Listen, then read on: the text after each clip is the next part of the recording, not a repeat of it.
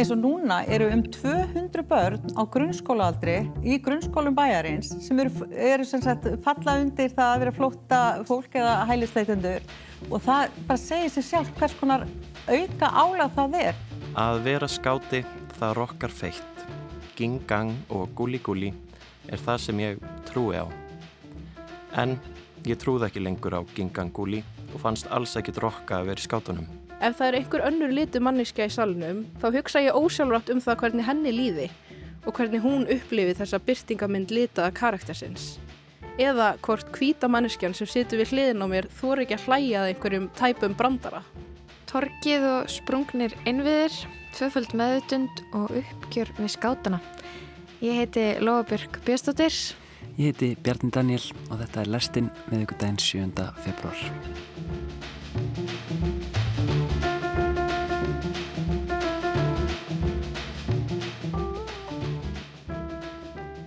Já, setna í þættinum fáum við pistil frá Ernu Kanumu Massinkíla. Hún er að velta fyrir sér hugtakinu tvöfaldri meðvitund sem að ókvítir Íslandingar hafa og sjónarhornum og eh, byrtingamöndum í sviðslistum. Um, svo fáum við pistil frá Patrik Björgvins. Einmitt, eh, eitt sinn skáti, ávald skáti eh, og Patrikur er svo sannlega skáti. Í pistilum í dag er hann með ákveð uppgjör við, við já, sína veru í, í skátarhefingunni. Mættur eitthvað tíman á skátafund þegar það var stingri? Nei, en mér langaði það mikið. Uh, mér fannst það, hérna, mér fannst það mjög spennandi, hérna, fannst alltaf sko rip-rap og rup að því vorum með náttúrulega sko Andrés rínuna hérna í gær. Rip-rap og rup voru náttúrulega skátar með svona, svona húfur, veistu hvert, mannst þetta er þessum húfum? Mm -hmm. Skátahúfurnar? Já, sko. Sem er eitthvað svona bandarist fyrir bærið? Já, svona loðhúfur með svona skotti, mm -hmm. mér fannst það gæðveikt töff. Þið langaði þannig? Og mér langaði þannig og mér langaði að vera í skátunum en, en hérna, ég var bara í karate og fótbolla Já, mér finnst þarna skátar, þú veist, það sem mér finnst vera flott við þá er þeir eru ávallt viðbúnir og geta alltaf rettað alls konar vandamálum. Um, ég veit ekki, eins og ská, ef þú verið skátið þá gætir einhvern veginn lifað af í óbyðunum í, þú veist 30 daga án ma matar og vass. En ég er ekki alveg vissum að það hafi verið þannig hjá okkur um 11 ára skátum. En við, við kannski komumst að því hérna setna í þættinum en við ætlum að byrja á að kveikja á sjónvarpinu.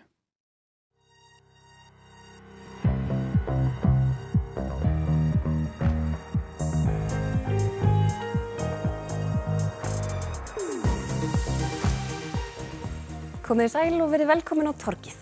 Rétt innan við einn af hverjum fimm íbúum á Íslandi er af erlendum uppruna. Hér hefur verið næg atvinna í bóði og innflytjendum fjölga hratt síðasta áratug eða svo og ekki er ólíklegt að svo þróun... Sjónastátturinn Torkið er til dæla nýra á dagskrá Rúf.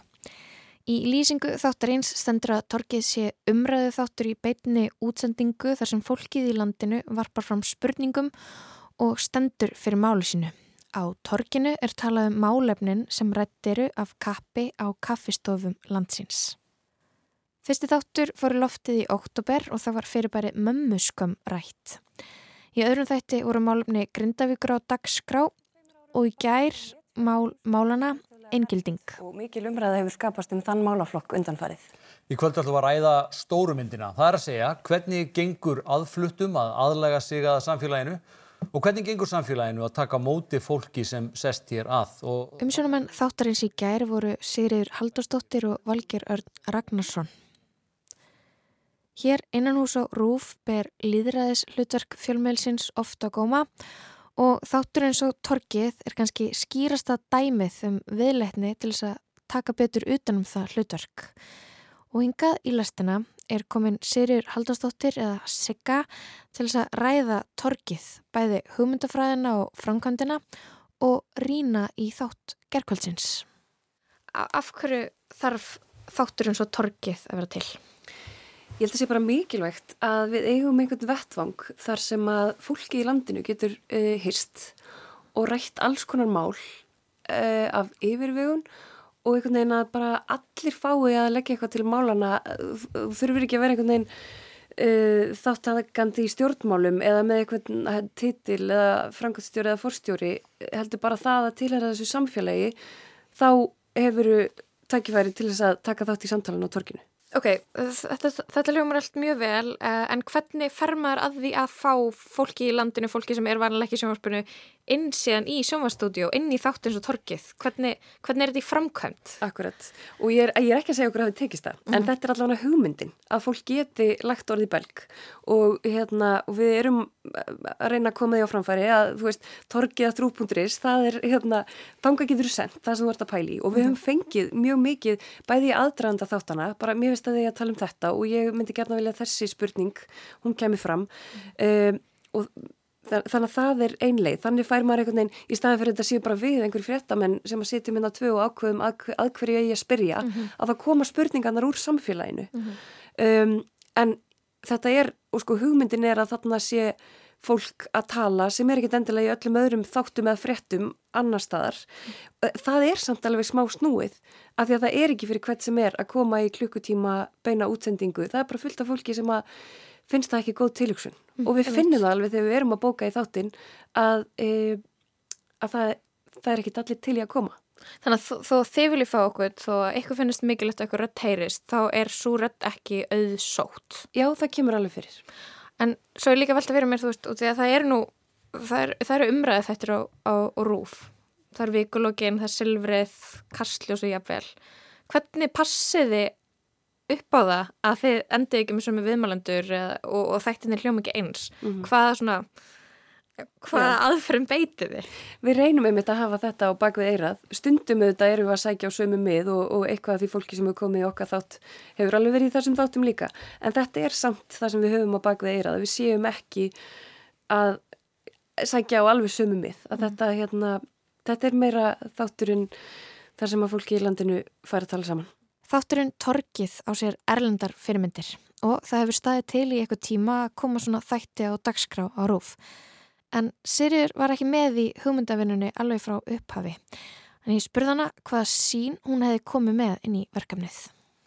Mm, ef ég á að segja bara alveg frá eigin brjósti þá langaði mig til þess að gera þetta einhvern veginn með svona yfirvegun mm. og hérna einhvern veginn leifa eh, samtalenu að vera bara svona, já, yfirveguði að við getum einhvern veginn bara það þarf ekki alltaf að fara, í háa loft þó við séum að tala um erðum mál en ef ég tala bara aðeins um hérna, sko e, e, fyrirmyndirnar mm -hmm. e, þess að þætti að því að sko, Norðurlöndin er með svona þætti mm -hmm. e, í Svíþjóðar þáttu sem heitir Sverige möts bara svona þjóðin mætist og BBC er með þátt sem heitir Question Time mm -hmm. sem, er, sem er samt aðeins annað því að þar eru stjórnmálamenn og ráðamenn sko, hérna, látnir setja fyrir svörum Einmitt. sem að við í sjálf og sér gerðum samt í, í öðrum þætti þegar við fjöldum um Grindavík þá var það einhvern veginn málefni kallað á að þau væri í panela því að þau höfðu svörin en spurningarnar kom úr sal þannig að þetta er ennþá svona, við erum líka bara svolítið ennþá að, að móta uh, þetta hérna Konceptið. Já, einmitt. Mm.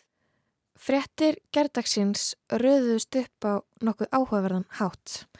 Yfir daginn fylgdustu með grunnskólakrokkum, hagskjælingum sem hefðu skrópaði tíma og skipulagt skólaverkvall. Þau heldu niður á Austurvöll til að standa með palestínumönnum og lögðu þar fram kröfur í sex liðum.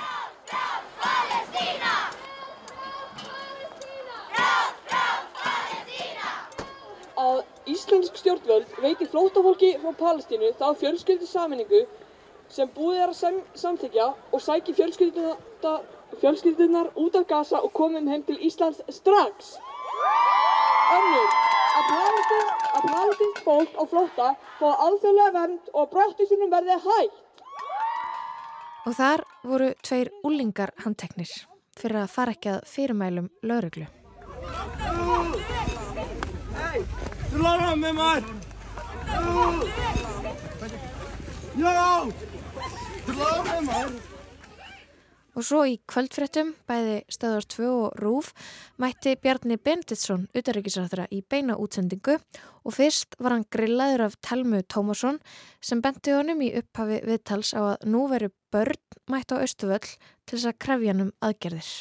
En að sjá börn þarna, það er það sem ég var að spyrja um, hvernig slær það þig? Já, það slær mér nú kannski ekkert sérstaklega vel en það sýnir okkur bara að, að þessi mál náinn í alla þjóðfélagsópa. Akkurat. Og svo var Bjarni mættur yfir á Rúf í beina útsendingu og þar krafði Jóhanna Vítis Hjaltadóttir hann um svör.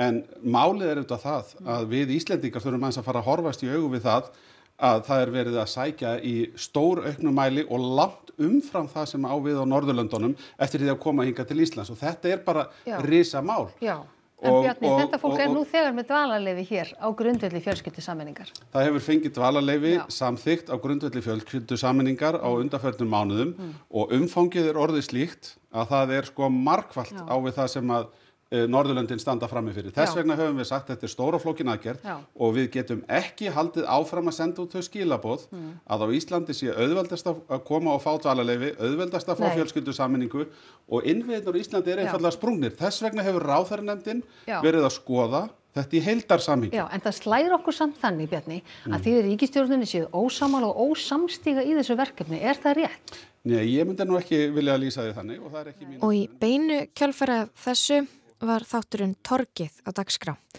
Það sem einmitt þessi mál átt að vera til umræði. Hversu vel gengur okkur að taka á móti fólki? Þarna smell passar Torgið inn í umræðina. Þið þurfum vendilega að skipulegja ykkur með fullt af fyrirvara og að bóka alls konar viðmælendur og, og stilla upp ykkur um klukkutíma umræðu þetta. Um, hvernig, hvernig fer maður að því? Já, einmitt. Þetta er náttúrulega bara tilviljun í raun og veru, en kannski ekki tilviljun samt að við erum að tala um þessi mál. Uh, við getum ekki tekið ákverðin ofsnemma að við ætlum að fjalla um eitthvað, en við verðum svona, hvað var að segja, kannski tveimur vikum fyrir, fyrir þátt, þá þurfum við svona að vera alveg búin að ákveða það og þá þarf bara svona þess að, að vega og meta, bara hvað, hvað er fólk að tala um á kaffistofunum og þarna erum við líka, við erum að byggja fólk um að skrifa okkur. Hvað er það að tala um? Hvað er það að hugsa um? Hvað viljið þið að samtalið verði um? Mm. Veist, og þá svona tekum við bara pínu púlsinn og veist, við erum örgulega einhvern tíman eftir að, að taka ranga ákvörðun og tala um eitthvað sem að Passar ekki inn. já, engan langar að tala um en hérna, en já, þetta þetta, við, þetta var sannlega mál sem að svona fólk var að tala um og við fundum það mjög stert í aðdraðanda þáttarins að því að við fengum uh, svo mikið af tölupústi Mhm. mm. Um, en svona flókin og stóru málaflokkur, um, innflytjandur, inngilding, líka málumni hælisleitenda, flóttafólks, um, hvernig kemur þessu að í einum klukktíma þætti? maður kemur því náttúrulega ekki að Hvernig fannst þið ganga að gera það? Mér leið pínlítið eins og við hefðum uh, þurft að tala miklu lengur Mhm. uh, að þetta hérna, er, þetta er risastórt mál en ég held samt sko ef að ef þetta verður samt til þess að við náum að snerta á ymsu og svo halda kannski umræðan einhvern veginn áfram Ekki inn í sjómarsal, heldur bara heima? Já. Mm Eða á netinu? Þá er það bara akkurat eins og það á að vera. Mm Uh, við náttúrulega getum, já, ég held að það sé samt alltaf tilfinningin sem maður situr eftir að við, við komumst ekki yfir þetta, það hefur verið gott að, að ná þessu og það er alveg, við þurftum alveg, við, við lendum í tímaþröng í gær og ímislegt sem við þurftum bara að sleppa. Hvar hefur þú vilja stoppa lengur í gær? Var eitthvað sem þú, þú fannst að þið voru byrjað að ræða um, sem þú hugsar, ok, ég verði til að halda fram hér og vera hérna í hálftíma viðbútt? Eitthvað svona sem situr í þér út af því að þú ertu þetta búin að vera og þarna rítstjórn þess að þáttar í, í svolítinn tíma að liggja yfir þessu og velja eitthvað neginn og velta fyrir þér. Þannig að þú veist, þú ert náttúrulega með hugmyndir um sko hvar hefði verið gott að halda áfram? Hvað er langar að ræða meira er eitthvað svona sem situr í þér Já, Sorry. það er eiginlega tvent. Ég held að við hefðum getað haft heilan þátt bara uh, um innflytjendur og íslenskuna Mhm. og hvernig, já, það, það var heilmikið umræða um það, en það hefði í sjálfu sér verið nóg fyrir heilan klukkutíma. Mhm. Ég held líka að við hefðum getað staldrað lengur við bara þessar ólíku skoðanir uh, og, og þar sem ég held kannski að mestu tilfinningarna liggi eru bara hvað, sérst, fólk er að velta fyrir sér uh, hversu, þetta liggur eiginlega meira í flóttamannamálunum heldur en innflytjandamálunum Mhm. í víðu samhengi. um, ég held að, að það sé alveg tilipni þar til þess að tala af yfirvegun lengur og, og hérna, já, krefja það svolítið betur. Uh, að því ég held að bara fólk hafi ímislegt að segja en mörg séu bara hrætt við samtalið Það var ljóst í þættinum í gæra það var mikil áhuga á því að ræða íslenskuna. Er hún hlið inn í íslenskt samfélag eða stendur íslenskunni ógn af íbúum sem að tala litla eða enga íslensku? hafa í huga þrjú sjónamið þessu, þrjú sjónahotn. Það er sjónahotn Íslandinga, hérna, sjónarhótt innflytjanda og svo sjónarhótt íslenskunar mm. og hérna, við þurfum einhvern veginn að sætta þessi sjónarmið. Allir aðlar verða eitthvað að gefa eftir, þurfum, en, en, en það er mjög mikilvægt að ná sátt í þessu. Sko, en að því að þú talaði um að íslenska væri erfitt tungumál, það er þessi þjóðsaga sem að uh, hér gengur og við viljum trúa, að sko... Þetta var Eirikur Rökkvalds, einn af pallborðsgestum Torgsins í gær.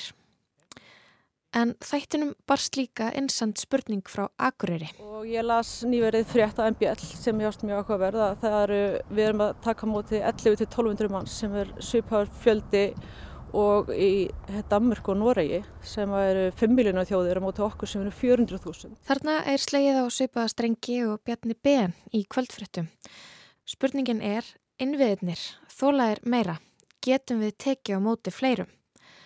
Bjarni Ben veltriði upp þegar að ræða á björgun flótafólks frá Gaza. En ég ítrekka þá skoðun mína að við Íslendingar við getum ekki ofbóðið innviðum okkar mm. eða getum til að taka vel og myndalega mótu þeim sem eiga rétt á því bara, að fá hér hæli. Það er já. bara gengur ekki. Þeir sem lesa kommentin undir fréttum og hafa fylst með undarfarnar vikur vita að það er hiti í þessum málflokki. Ég ræk til dæmis nýverið augun í auglisingu frá flokki fólksins á Facebook. Hér talar Egilfur Ármánsson þingmaður um innviði og tölur. Ísland getur ekki tekið á móti á hverju ári 5.200 manns árlega. Við getum ekki tekið á móti sama hlutfalli og svíjar gerðu árið 2015. Það gerði Rósa Guðbjarts sem var á pallborðinu á torkinu í gær líka. Já, það hefur náttúrulega líka, ég hef kannski sérstaklega gaggrind það að það hafa... Uh, að vinnumálastofnun hefur á sínum tíma þegar uh, ströymurinn hófst í rauninni til hafnafjörðar hérna fyrir nokkrum árum það var án allt samráðs við eins og sveitafélagi mm. og það er náttúrulega alveg ótækt að komi eins og núna eru um 200 börn á grunnskólaaldri í grunnskólum bæjarins sem eru, eru sem sagt falla undir það að vera flótta fólk eða hælisleitendur. Og það bara segir sér sjálf hvers konar auka álag það er það er bara þannig það þarf nánast mannin með inn í skólakerfunum með hverju flóttaði hælisteitnindabatni sko, og stundum fleiri. Það eru dæmum það að það þurft þrjá einstaklinga með einu batni. Ég myndi að þau ímyndi okkur hvers konar álað það er og þess vegna án samráðs að þá mhm. verður þetta svo þú. Og ég er á sama máli og Sigga sem talaði um að þegar þessi umræða var farin á stað í þættinum hefði þurft að taka hana lengra. Og eftir áhorfið sitt ég eftir með ósvaraðar spurningar. Finnst Íslandingum það sjálfsagt mál að hjálpa fólki frá öðrum löndum í neyð? Er eðlulegt eða sangjant að tala um innviði, að innviðir séu sprungnir í sömu andrá og við ræðum um staði þar sem innviðir hafa raunverulega verið sprengtir með alvöru sprengjum og útlimir og líkamar einnig. Endalega ákvörðum því máli, hún hangir saman við það að við náum og trúum því að við getum náð utanum þá stöðu sem er orðin alvarlega á Íslandi. Og það er ekki hægt að gera lítið úr því þegar heildarkostnaðurinn við hælisleitindakerfið á Íslandi er farin að, að, að jafnast, hann, sko, hann er orðin langt umfram, hann er 50% umfram heildarframlög okkar Íslandika til þróunaraðstúðar, svo það sé nú tekið sem dæmi. Bjarni Benediktsson, takk fyrir að koma hingar í myndverið. Í þætti gerkvöldsins var helmingur pallborsins af Erlendu bergi, bæður hópi innflytenda og flótafólks, hinn helmingurinn innfættir Íslandingar. Og, hérna, og það er ekki hægt að segja eins og Rósa var að segja hérna áðan að, að, að það sé uh, flottabönd sé taka eitthvað af börnunum, innflytendabönnunum í skólakerfinu. Uh, þau þurfa að fá, já, mikið. En ákveður þetta einhvern veginn í þessum málflokki, þessum þá verður að vanda sig og þetta er mikilvægt og, og þetta er, hérna, er flókið að tala um þetta og það er skautin í umræðinni. Þú veist, vefst mann ekki tunga um tönn? Jú. Er þetta ekki flókið að, að segja réttu hlutina, spyrja réttu spurningana og fá réttu fólkið til að tala? Jú. Má svara með einu stutt orðið. Já. Jú. Og, og við höfum líka bara, og ég tala bara fyrir sjálf um mig, mann langar líka bara að standa sér vel. Um, og það, það er bara, já, þetta er, þetta er, þetta er alveg snúið. Ég veldi fyrir mér með Sigriði hvort það séu nóg margir staðir þar sem þessi mál séu rætt. hvort að þeim líði nokkuð eins og umræðan er það tæmast, klárast og leysast í torkinu.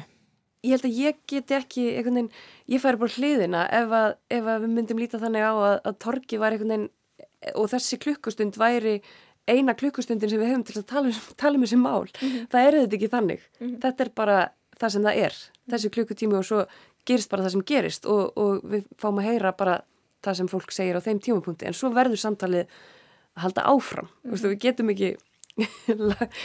Sett punkt. Já. Uh, ég veit að þessi þáttur, hann var bara í gær og þú veist eiginlega bara, þú veist, ný stíðin út úr stúdíónu en veistu hvað er langar að gera næst? Er þið byrjuð að pæli næsta þætti?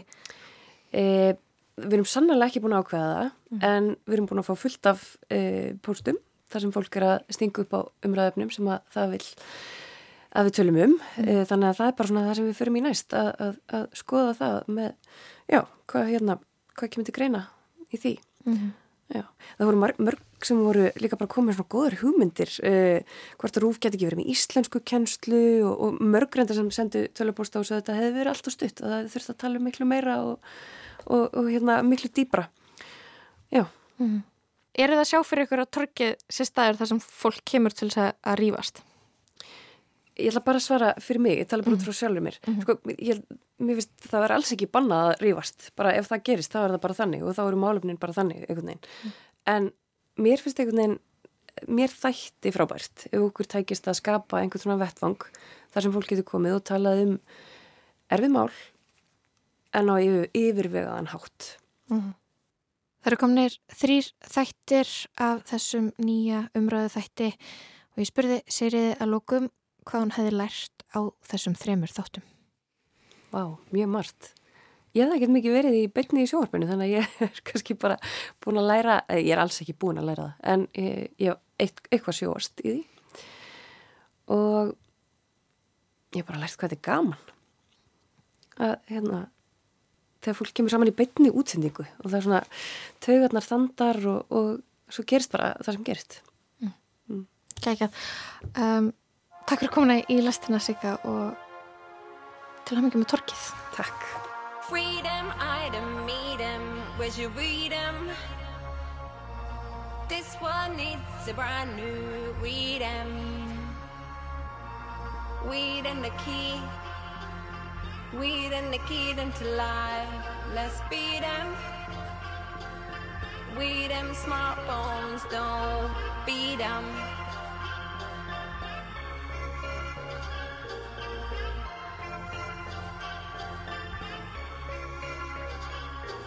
Baby,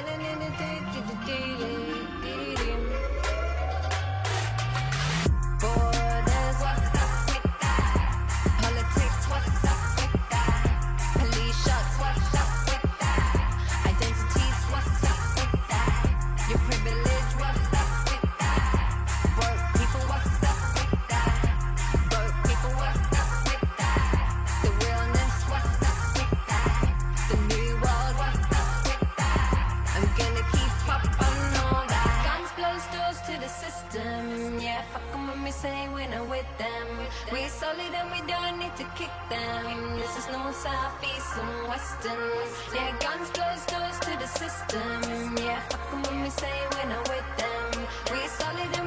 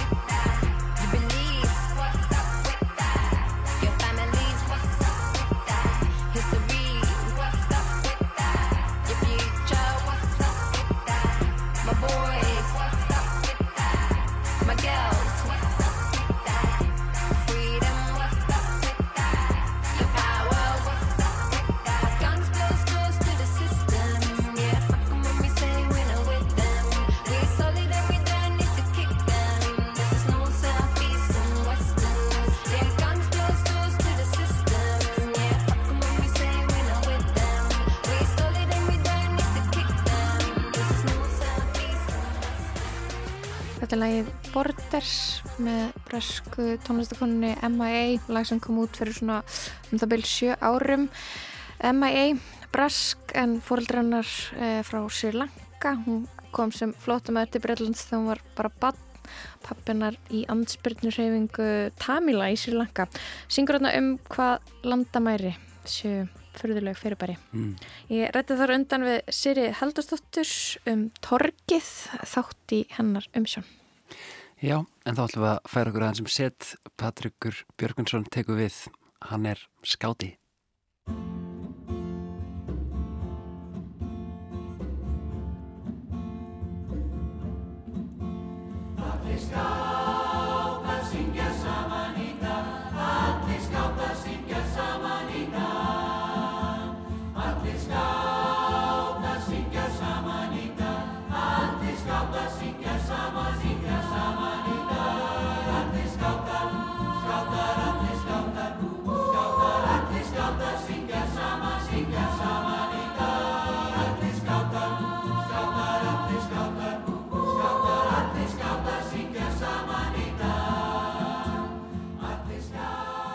Tendraðu lítið skátaljós, láttu það lýsa þér, láttu það ebla andans eld og allt sem göfugt er.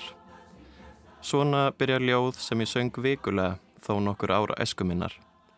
Það er eftir Hrefnu Tínes, eina af stopnendum kvennskátahreifingarnar hér á landi. Við sungum þetta til þess að setja skátafundi. Já, ég var skáti, er skáti. Ég tekið tillitið þess að eitt sinn skáti ávald skáti. Að vera skáti er á þann hátt ekki frábröðu því að taka þátt í gulur bíl. Það er ekki bóði að hætta. Um leiðu byrjar ertu í leiknum að eilifu. Á aldri, þar sem ég var varlega treyst til þess að velja mér föta mótnana, var mér treyst til þess að brennimerka mér stimpli sem ég bæri með mér allt mitt líf. Ég byrjaði barn ungur í reyfingunni. Ég var 6 eða 7 ára og fór á minn fyrsta fund með skátafélaginu á Tvöröri í Færiðum þar sem ég bjóðum stundasagir.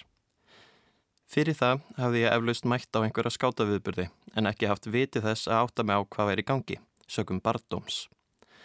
Það má segja að ég hafi álpast í skátastarfi af fræntikli. Móð mín hefur lengi verið skáti og átti líklega allan þátt í að ég mætti á þennan fyrsta fund og í raun alla fundi þar eftir. Þegar við fluttum aftur til Íslands hjælt ég áfram í skátunum með skátafélagi Akranes. Ég syndi starfinu af fullu mætti. Ég fór í útilegur og skátamót þar sem ég lærði að slá upp tjaldbúð og draga fánaða húnni. Ég grilaði sigupúða yfir varðöldum, lærði að binda hérna ímsu hnúta og listin að surra. Ég lærði skátalög sem ég söng svo annarkvört með öðrum á kvöldvökum og skátafundum eða eitt með sjálfur mér. Ég lærði fjöldanallan á hrópum sem við notum í stað klaps vegna þess að skátar klapp ekki og eftir því sem ég eldist og vigðist inn í nýjar sveitir innan skátana fekk ég svo nýja klúta, aukna ábyrð og meiri reynslu. Á einhverjum tímupunkti koma því að ég lærði að vera fánaberi. Hægri, hægri, hægri, vinstri, hægri. Það var í fánaburðunum sem ég komst á ákveðin hápunt þessa skátaféls míns. Þó ég hafi látið eins og mér þetta þetta vandræðilega skilda. Ég fekk að vera í hátíðabúning skáta með hátíðaklút og vera fremst í skrúðgöngu. Hvern var ég að reyna að blekja? Tindinum var síðan náð þegar ég stóð sem fánaberi fyrir framann sveiði skórektinu á Akranesi á 17. júni meðan Jóhanna Guðrún nú og þáverandi átrúnaða góðmitt stóð og söng. Eftir þennan atburð bliknaði annað til samanburðar. Hégómi minn hafði sáð evasemdafræði í hausina mér. Var ég kannski á nettur fyrir skátana? Núna, þegar ég líti baka, líti ég mér hlýhug og kærleik. Þarna egnaðist ég vini til lífstíðar, uppliði sjálfstæði og öðlaðist færni til að komast af ef skekkinni að allt færi í bál og brand. 14 ára ég hefði þó ekki fjarlæðina til þess að sjá það góða sem í skátastarinu býr. Þetta ár, það 14. er ár mikilla ákvarðana. Ár þar sem maður gengur í fullorðana manna tölu. Ár þar sem mörg þurfa ákveða hvort þið ætla staðfesta skýrt sína og ganga lífsvegin með Jésu. Árið sem maður byrjar á úlingadeild og árið sem ég hætti í skátanum. Það segir í skátalæginu Ó stælti skáti, tekst eftir Fossbúa, sungin við lægið Baby One More Time eftir Britney Spears. Að vera skáti það rokkar feitt, ging gang og gúli gúli er það sem ég trúi á. En ég trúði ekki lengur á ging gang gúli og fannst alls ekkit rokka að vera í skátunum. Hvernig ætti ég að syngja þetta lag? Ætti ég að ljúa? Ég trúði að ég hefði fengið allt út úr skátunum sem ég gatt úr því að ég hefði borið fána fyrir framann Is it true stjórnuna og mér fannst rokka að borða nammi og vera úti eftir útivistatíma. Ég hafði í einhver tíma hugsað um að hætta. Ég var alltaf í hausnum í síðustu útilegunni, síðasta skátamótunni eða á síðasta fundinum. Ég bara gata ekki bröðist mömmu. Hvað myndi henni finnast? Ég var eina barnið hennar í skátunum. Eina barnið sem geti tekið við skátaklútnum. Eina fólki sem geti skilið mig á þessum tíma voru frendtiklisbörn þessa heims sem hefði ákveðið að snúast gegn fóröldur sínum og feta sína eigin leið. Ég reyf loks plásturinn að veita inn og tilkynnt henni að hér með væri hotlustu minni til skátarhefingarinnar lokið. Mér til mikillar undurnar stóð henn á sama. Við tóku ár þar sem ég reynda að hilma yfir þetta identitet. Ég smækkaði starfskáta niður í það að binda hnúta og klína hór í olbóabótina og talaði í háðstónu um þá. Ég let engan sjá að ég hefði tekið þátt í þessum leik, að ég væri enn þáttakandi. Ég loka á þann hluta heilan sem gemdi það sem skátastarfi gaf mér. Svo gerðist það að eftir því sem ég eldist fór ég að hugsa hlýra til skátana. Ég fór að revi upp tímana sem ég átti og hlutina sem ég lærði. Það var einhver tíma í þessum endurminningum að ég rakst á skilgreiningu skátarhefingarinnar. Hún er í skátaheitinu, skátalögunum og kjörorðum skáta, ávalt viðbúin. Skátaheitir er það einfalda lofórð að gera það sem í mannsvaldi stendur til þess að gera skildu sína við guð og ættjörðina, hjálpa öðrum og halda skátalögin. Þetta var auðvitað eitthvað sem ég vissi, en það hefði ég farið með skátaheitið oft á mörgu sinnum. En ég hefði aldrei gefið innihaldinu neitt sérstakann gaum. Það blasti við mér að ef þetta lofórð tilur því að vera skáti, væri ég ömulegu skáti. Hvena gerði ég síðast það sem í valdi mínu stóð til þess að gera skildu mín á við ættjörðina? Í skátalögunum segir að skáti sé hjálpsamur, gladvær, tröstur, náttúruvinnur, tillitsamur, heiðalögur, samvinnumfús, nýtin, réttsýn og sjálfstæður. Ég gæti í fljótu bræði afskrifað að minnstakosti fjögur þeirra. Ég er hraðlígin, flokka ekki nema ég viti að það sé verið að fylgjast með mér og svo er ég fulla mótið að eðlisfæri. Ég geti í sengtalist náttúruvinur, heiðalögur, nýtin eða gladvær. Ég hefði lært söngvana, nútana og fánahillinguna en hafði ég tilengað mér gildin. Skátalögin ómuði í höfðuna mér. Ég sá þau fyrir mér surra spýtur, festa mig við þar með pelastikk, benda á mig og hlæja. Er ég skáti ef ég get ekki máta mig við helming þess sem skilgreinni skáta? Var ég nokkuð tíman skáti? Var aldrei bóði að hætta því ég var aldrei með?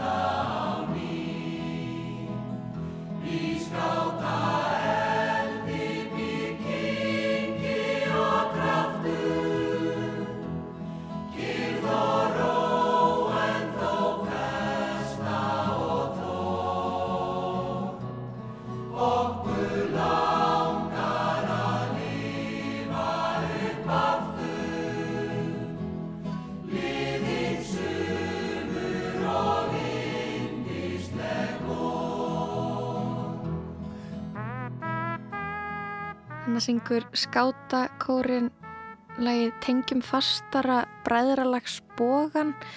Um, Patrikur Björgunsson, pislahöndur, kom með þetta lag á geisladisk. Hann hafði, hafði átt, átt hennan disk síðan í barnasku. Um, þetta var uppgjör við ár hans í skátunum og svona vangaveldur um framtíðina. Einmitt, sko, söngur við varðveldin, þetta er eitthvað svona sem ég, hérna, er kannski svolítið spældur yfir að hafa mistað, sko, hafandi ekki verið í, í skátarhefingunni sem barn. Mér líður þess að þetta hljóta að vera eitthvað neginn mesta stemming sem er þetta að hugsa sér. Það er ennþá nægur tími til stefnu. Já, kannski. þú getur örgulega útbúið varðald og búið vinninum að koma að syngja. Kannski jafnvel þetta lag.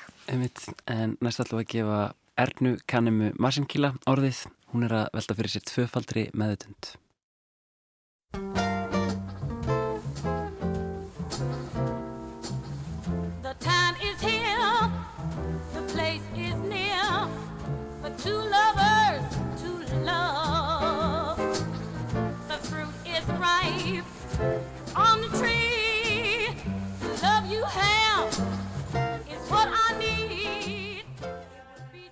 Það er talað um að gefa jæðrinum rödd, en ég heyri ekki í henni. Ég sé fjölbreytt fólk með augunum mínum, en ég heyri ekki rattir þess og ég heyri ekki sögur þess. Litað fólk byrtist frekar sem rattlaus andlit og nafnlausir líkamar settir fram á forsöndum ríkjandi smekks og sjónarmiða. Þegar ég tala um fjölbreytt fólk eða litað fólk, þá er ég að vísa til þess hóps sem kallaður er other eða otherness á ennsku. Fólkið sem lítur ekki út eins og hinn dæmigerði Íslandingur, hvítur, slétthærður og ljósegður. Ég sjálf tilheri þeim hópi sem vísaði til, þar sem pappi minn er frá Sambíu og mamma mín frá Íslandi. Eins og ég talaði um í seinasta pistli, þá skrifaði ég B.A.-ritgerð í sviðsöndanámi í Listaháskóla Íslands fyrir áramót. Þar skoðaði ég byrtingamindir litas fólks í sviðslista senu landsins, bæði innanfrá sem nemi í sviðslistum og utanfrá sem áhorfandi. Ég nálgæðist efnið út frá eigin stöðu í samfélaginu og minni upplifun sem litaður einstaklingur, kona af afrískum uppruna með brúnan húðlitt.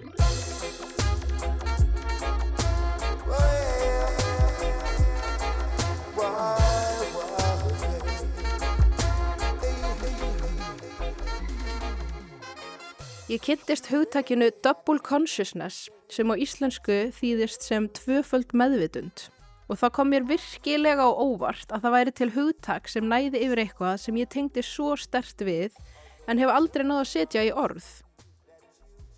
Hugtakið um tvöfalda meðvitund í tengslum við kynþátt kemur upphaflega frá bandaríska félagsfræðingnum og mannréttinda frömuðunum William Edward Burkhardt Du Bois. Hugtakið er oft notað í umræðunni og um sjálfsmynd og kynþátt í almennum skilningi og lýsir þeirri stöðu að upplifa aðstæður frá tveimur sjónarhornum. Í þessu sambandi út frá sjónarhorni miðjunar og þeirra valdakerfa sem eru við líði í samfélaginu sem þú lifir í, en svo einnig frá sjónarhorni jáðarsins, í þessu tilfelli út frá sjónarhorni annars kynþáttar.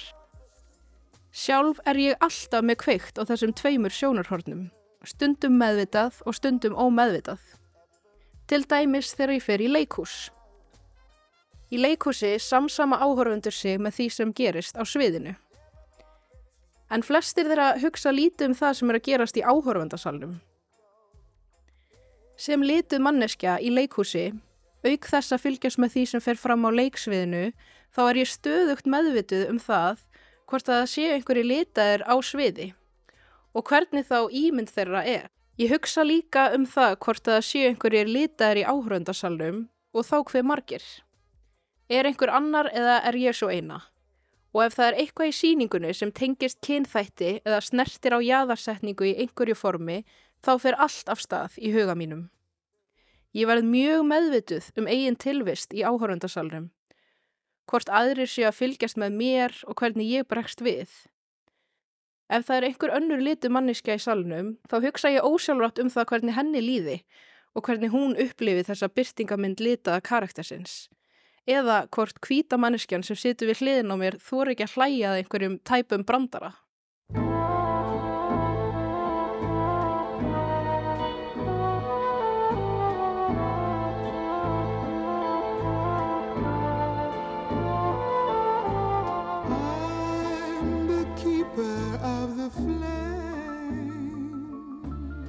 Í intökuprófunum fyrir sviðsöfundabraut listaháskólans árið 2019 man ég skýrt að þegar ég sá að Unnstedt Manuel var að sækja um námið þá fór ég að efast um að ég kemist inn í skólan. Unnstedt Manuel þekkja flestir. Unnstedt er litaður einstaklingur eins og ég. Hann er fjöllistamæður sem byrtist í sviðsljósinu hér á landi þegar hann var ullingur og forsprakki í hljómsveitsinni Retro Steffsson. Ég var full meðvituð um þann tíðar anda sem ríkti í sviðslistasenunni á þessum tíma og ég var meðvituð um það að það væri í tísku innan gæsalappa að vera með sínilega fjölbreyttan hóp í forgrunni. Allir voru að passa sig að vera woke. Hugtækið wokeism eða volmenning eins og það hefur verið þýtt yfir á íslensku er gott dæmi um hvernig ólíkir samfélagshópar skilgreina réttlæti. Hugtækið woke kemur upprunlega úr réttindabaróttu litara í bandaríkjunum og náði aukinni útbreyslu í Black Lives Matter baróttunni. Ég hugsaði strax að þrátt fyrir það að ég væri búin að vera í dansi, leiklist og tónlistanámi frá barnæsku og hefði alla burði til þess að fá pláss á sviðsöfundabraut, að þá stæði það einni með mér að það myndi líta vel út fyrir skólan að fá litað mannesku í hópin.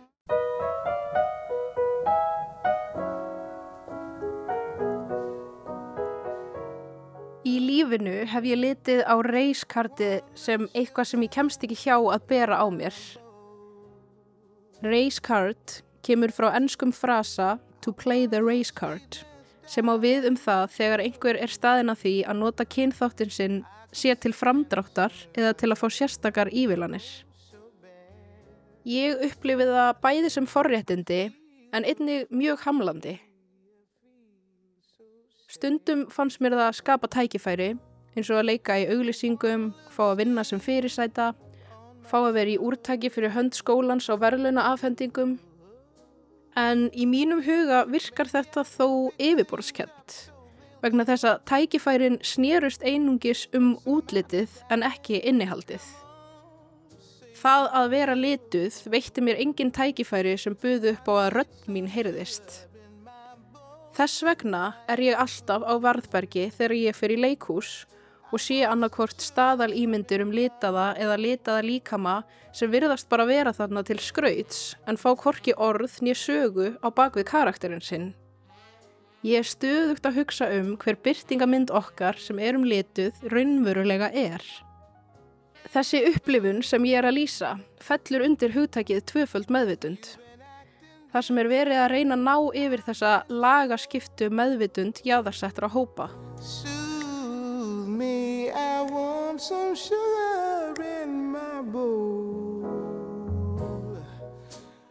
Í dag líti ég á það sem ofurkraft að vera litaður einstaklingur. Þess að tvöföld meðvitund upplifi ég sem tengingu sem ég finn fyrir með öllu lituðu fólki sem ég hef umgengist á Íslandi. Ég sæki auka kraft í þessa sannfæringu og endur speikla þau í skrifum drottningarinnar Bell Hooks úr bókinni From Margin to the Center.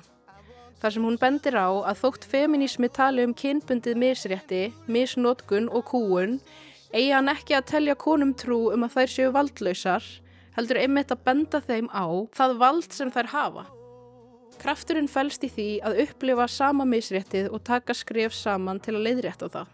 Það er erfitt að lýsa því og setja í orð hver nákvæmlega tengingin er sem ég finn fyrir við annað lita fólk á Íslandi en ég get sagt að það er eins og við sjáum hvert annað. Það er ákveðið tröst sem fylgir þessu. Við sjáum hvert annað og virðum hvert annað. Sjáumst og heyrumst. I want a little sugar in my bowl. I want a little sweetness down in my soul. I could stand some loving, oh, so bad. I feel so funny, I feel so sad. I want a little steam on my clothes. Maybe I can fix things up so they'll go. What's the matter, Daddy? Come on, save my soul. I need some sugar in my bowl. I ain't fooling. I want some sugar in my bowl.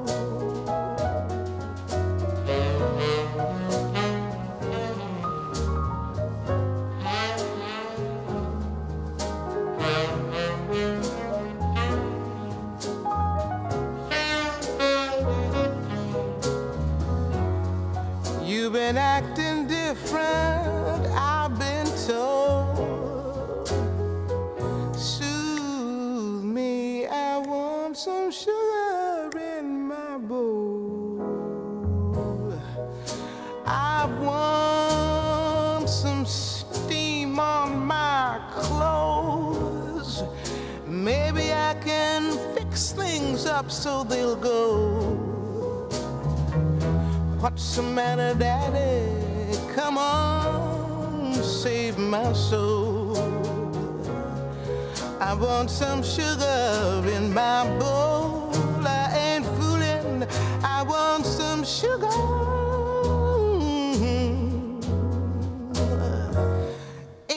my bowl.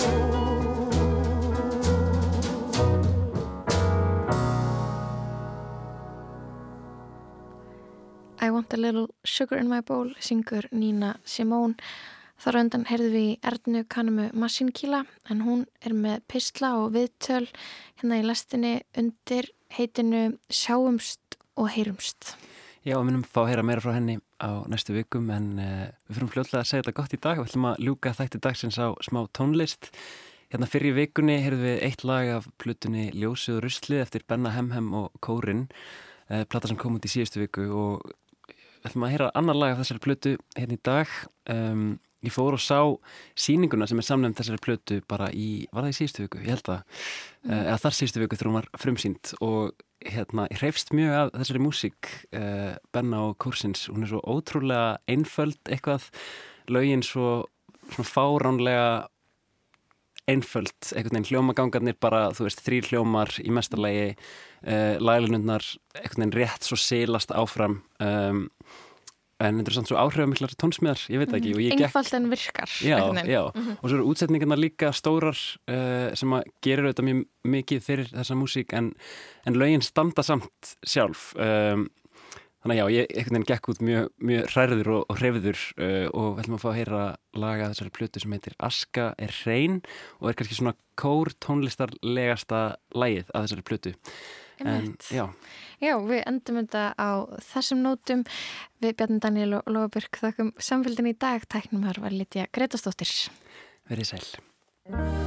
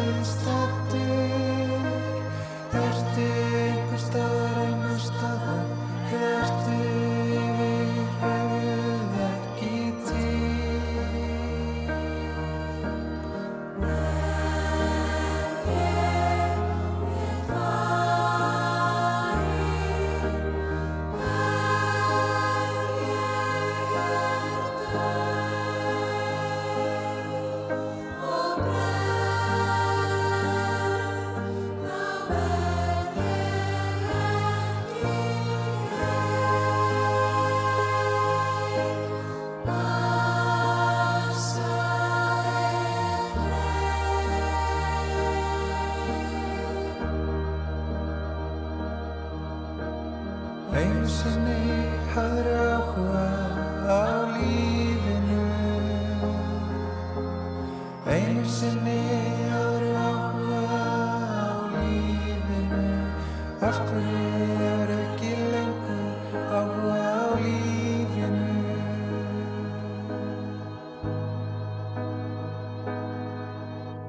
Ég að hugsa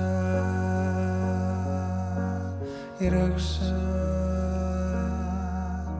að hugsa